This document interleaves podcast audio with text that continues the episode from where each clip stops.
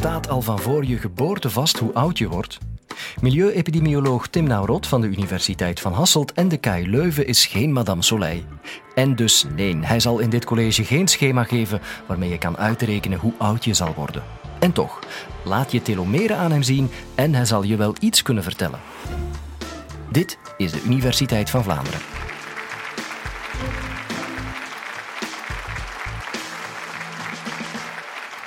Ja, we willen soms graag weten hoe oud iemand is. We kunnen dat aan die persoon vragen. Hoe oud bent u? Misschien niet de meest beleefde vraag. We kunnen ook biologisch eh, gaan kijken hoe oud iemand is. Een biologische klok, die hebben we allemaal. Daarvoor moeten we naar de cel. En in de cel zitten de chromosomen waar het erfelijk materiaal in opgeslagen is. Nu, dat erfelijk materiaal dat moet beschermd worden. Dat is functioneel DNA, dat maakt hoe we eruit zien.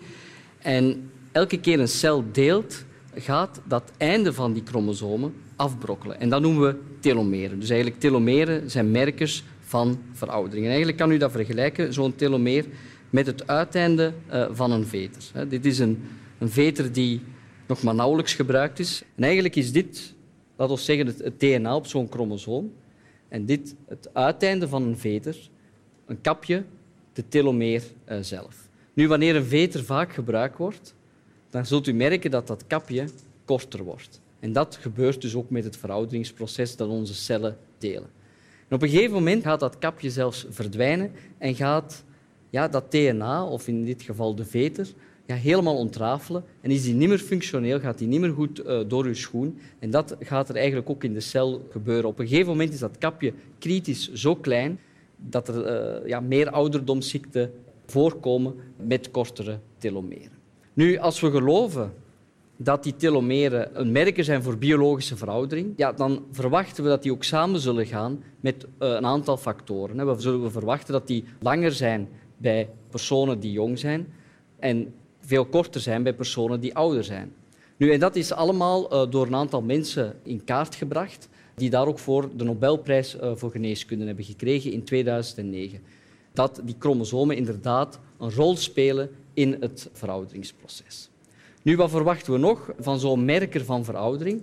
Ja, dat personen die een gezonde levensstijl hebben, gemiddeld genomen iets langere telomeren zullen hebben. Bijvoorbeeld, we zien dat een gezonde voeding, voldoende beweging, gemiddeld eh, gezien voor een bepaalde leeftijd die persoon langere telomeren heeft. Daarnaast verwachten we net het tegenovergestelde van ongezonde factoren. Als we kijken naar rokers, die leven gemiddeld genomen tien jaar korter dan niet-rokers. Wel, als je de telomeren van rokers gaat bekijken, dan zie je daar ook een veroudering opgetreden. Die, die maat van die telomeren is zoveel korter dat die persoon ook inderdaad de verkorting ongeveer met acht à tien jaar overeenkomt. Ook zien we bij volwassenen die opgroeien in een meer vervuilde omgeving, in een vervuilde lucht, dat die telomeren gemiddeld genomen wat korter zijn. Daarnaast weten we zoals bij die veter, dat uiteinde, wanneer dat die kritische lengte zodanig kort is geworden, dat er ook meer ouderdomsziekten gaan ontstaan met die kortere telomeren. Dus die telomeren worden gezien als een merker van biologische veroudering. Klassiek worden die telomeren voornamelijk bestudeerd op oudere leeftijd. Wel, maar in feite, ons verouderingsproces kan al zeer vroeg uh, beginnen. Dus we zijn begonnen met die telomeren te gaan bestuderen vanaf de geboorte. Want in feite kan daar al informatie doorgegeven worden, wat maakt dat mensen meer buffercapaciteit hebben, zeg maar langere kapjes dan andere mensen. En daarvoor hebben we een geboortecohort opgestart. Een cohort is een groep mensen die we opvolgen. In dit geval een geboortecohort bestaat uit moeders en pasgeborenen. En zo volgen we 1500 uh, eh, moeders en pasgeborenen momenteel op. Van die kindjes verzamelen we de placenta en het navelstrengbloed. En daar gebruiken we om daar de DNA uit te halen en die telomeren van die kindjes in kaart te brengen. Niet enkel die telomeren meten we, maar ook tal van andere informatie verzamelen. Waar wonen die mensen? Aan welke luchtverontreiniging was die moeder tijdens de zwangerschap blootgesteld? Wat was het gewicht van die moeder voor de zwangerschap? Wat zijn de voedingsgewoonten? Wat voor beroep oefenen de ouders uit? Al die informatie wordt samengebracht en wordt dan gekeken of dat we daarmee een verschil in die telomeren kunnen verklaren. En dat doen we dus in dat Limburgse eh, geboortecohort, waar nu 1500 pasgeborenen en moeders worden opgevolgd. We volgen die kindjes ook verder op Op vierjarige leeftijd krijgen die een volledig cardiovasculair onderzoek om ook te gaan kijken van ja, zien we daar al vroegtijdige veranderingen en kunnen we dat linken met die telomeren heel vroeg in het leven. Nu, waarom zouden die telomeren van belang kunnen zijn zo vroeg in het leven? Wel, er is geen studie bij mensen die ooit heeft gekeken van zijn er kindjes die met langere telomeren worden geboren, leven die ook daadwerkelijk langer? Ja, dat zou enorm veel tijd in beslag nemen. Zo'n studie zou meer dan 80 jaar duren. Dat is er niet. Maar Schotse collega's hebben wel naar zebravinken gekeken. En in die zebravinken zijn ze gaan nagaan of dat zebravinken die worden geboren met langere telomeren of dat die ook langer leven versus zebravinken met kortere telomeren of dat die dan inderdaad ook korter leven. En in de grafiek die uh, toont hier dat het inderdaad zo is. Hè. U ziet dat die, hier de grafiek dat bij telomeren, korte telomeren, de levensduur van die zebravink ongeveer twee jaar was. En de zebravinken die de langste telomeren hadden, daar was de levensduur acht jaar. Dus een duidelijk verschil dat aantoont dat die telomeren predictief was voor de levensverwachting bij zebravinken. Nu is natuurlijk de vraag, is het ook bij de mens zo dat, dat er al zoveel variatie is in telomeerlengte bij de geboorte? Is de telomeerlengte bijvoorbeeld ook langer bij meisjes in vergelijking met jongens? Gemiddeld genomen leven vrouwen ook langer. Zien we dat al bij de geboorte terug?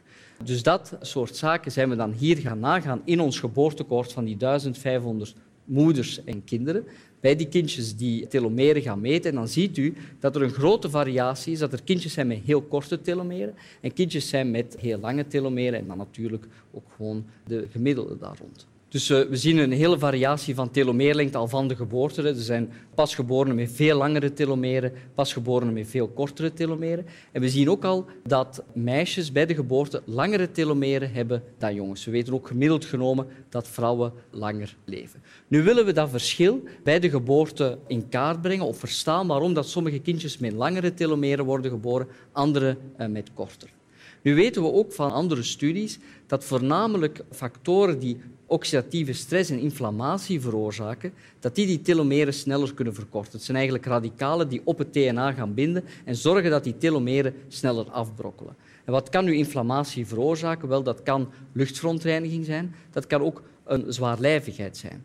En die luchtverontreiniging die blijft niet, uh, ja, die ademen we in, uh, maar die blijft niet in de longen. De kleinste partikels kunnen vanuit de longen de bloedbaan bereiken komen in de bloedbaan terecht en kunnen ook in de placenta terechtkomen en dan zo in de foetus blootstellen.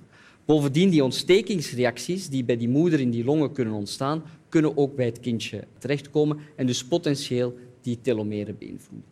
Ook uh, zwaarlijvigheid kan die inflammatie veroorzaken. Dus we zijn naar die twee factoren gaan kijken, samen met een aantal andere zaken waarvoor dat we controleren.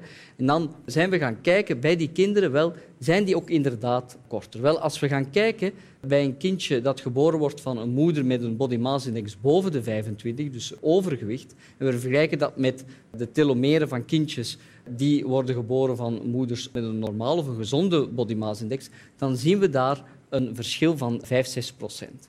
Ook bij luchtverontreiniging zien we dat. Uh, kinderen die, of de moeder die wonen op een woonplaats met gemiddeld genomen iets meer luchtverontreiniging. Al die, ja, de luchtverontreiniging hier in Limburg was allemaal onder de Europese norm. Maar zien we ook daar dat er inderdaad die telomeren verkorten bij kinderen die opgroeien tijdens de zwangerschap met iets meer luchtverontreiniging. Dus wat zien we nu? Die factoren zijn van belang, zijn al van belang van ja, heel vroeg in het leven. En in feite de huidige luchtwegnormen opgelegd door Europa, ja, die beschermen niet tegen vroegtijdige veroudering op fundamenteel biologisch niveau.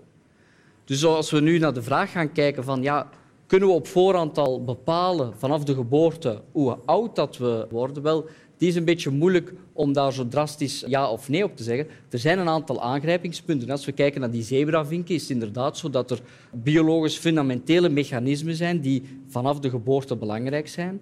Langere telomeren, meer buffer om tijdens het leven die verkorting die optreedt te voorkomen of tegen te gaan.